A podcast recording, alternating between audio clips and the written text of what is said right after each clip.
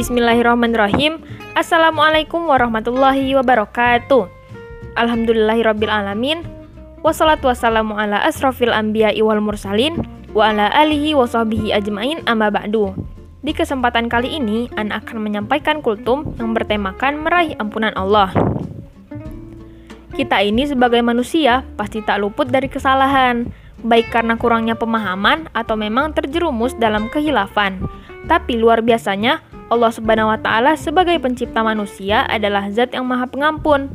Allah Subhanahu wa taala berfirman dalam surat Ali Imran ayat 133 agar manusia bersegera mencari ampunannya agar bisa berubah dari orang yang berbuat salah menjadi orang yang unggul dalam berbuat kebaikan. Dari Anas bin Malik radhiyallahu anhu, Rasulullah shallallahu alaihi wasallam bersabda, Allah taala pun berfirman, Wahai anak Adam, seandainya kamu datang kepadaku dengan membawa dosa hampir sepenuh isi bumi, lalu kamu menemuiku dalam keadaan tidak mempersekutukanku dengan sesuatu apa pun, niscaya aku pun mendatangimu dengan ampunan sebesar itu pula. Hadis riwayat Tirmizi dan dia menghasankannya. Hadis ini menunjukkan bahwa tauhid merupakan syarat untuk bisa meraih ampunan Allah Ta'ala. Syekh Abdurrahman bin Hasan rahimahullah berkata mengomentari hal ini. Ini adalah syarat yang berat untuk bisa mendapatkan janji itu, yaitu curahan ampunan. Syaratnya adalah harus bersih dari kesyirikan, banyak maupun sedikit. Sementara tidak ada yang bisa selamat atau bersih darinya kecuali orang yang diselamatkan Allah Ta'ala. Nah, apa aja sih syarat untuk mendapatkan ampunan dari Allah? Yang pertama melalui taubat. Bertaubat merupakan cara utama memperoleh ampunan Allah. Taubat yang tulus adalah dengan mengakui segala kesalahan dan berjanji tidak mengulanginya. Cara ini didasarkan pada surat At-Tahrim ayat 8 yang menjelaskan tentang orang-orang yang percaya kepada Allah dan para rasulnya. Mereka diperintahkan bertaubat kepada Allah dari dosa-dosa mereka dengan taubat yang sebenar-benarnya, yaitu taubat yang memenuhi tiga syarat. Pertama, berhenti dari maksiat yang dilakukannya. Kedua, menyesali perbuatannya. Dan ketiga, berketetapan hati tidak akan mengulangi perbuatan maksiat tersebut. Yang kedua, kita bisa melakukan perbuatan baik. Dengan terus melakukan perbuatan baik, maka dosa-dosa pun akan turun terhapus. Seperti yang dijelaskan dalam surat Hud ayat 114, dan dirikanlah sholat pada kedua ujung hari dan pada permulaan malam hari. Sungguh, perbuatan yang baik menghapuskan dosa perbuatan jahat. Contohnya seperti istighfar setiap hari, perbanyak sholat sunnah, perbanyak sedekah, dan masih banyak lagi. Ketiga, jangan mengabaikan perbuatan kecil. Sekecil apa pun perbuatan baik, pasti akan dibalas Allah dengan suatu kebaikan juga tentunya.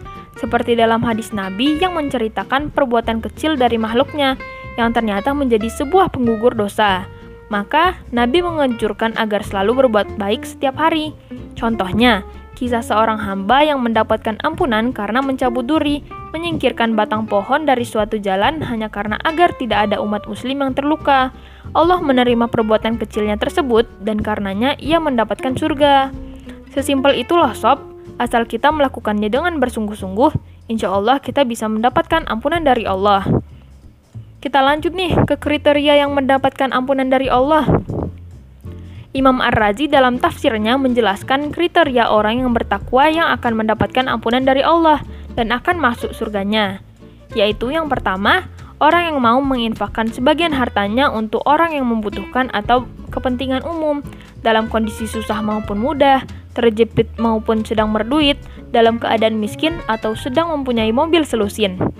Yang kedua, orang yang mampu meredam kemarahannya, terutama ketika menghadapi kegagalan dalam usaha atau sedang mendapatkan ujian kehidupan, bahkan dalam menghadapi perbedaan pikiran, pendapat, pilihan, atau yang lain. Ia lebih memilih meredam marahnya, karena orang yang dikuasai amarah hidupnya tak akan terarah. Ketiga, orang yang mau memaafkan orang lain bila berbuat salah tanpa diminta terlebih dahulu karena ia sadar manusia tak ada yang sempurna, pasti mempunyai kesalahan serta pelupa, maka dirinya sadar betul untuk memaklumi dan memaafkan orang lain yang berbuat salah kepadanya. Keempat, orang yang ketika berbuat salah, ia langsung beristighfar, meminta ampun kepada Allah atas kesalahan yang telah dilakukannya. Karena orang yang bertaubat, dosanya akan diampuni, dan seperti bayi yang tak mempunyai dosa. Empat kriteria inilah orang yang akan mendapatkan kenikmatan yang abadi, tak akan ditelan waktu. Mungkin ini saja yang bisa Ana sampaikan. Semoga kita mampu untuk mengamalkannya dan dapat menjadi orang yang dekat dengan Allah Subhanahu wa taala. Amin ya robbal alamin. Kurang lebihnya mohon maaf. Wassalamualaikum warahmatullahi wabarakatuh.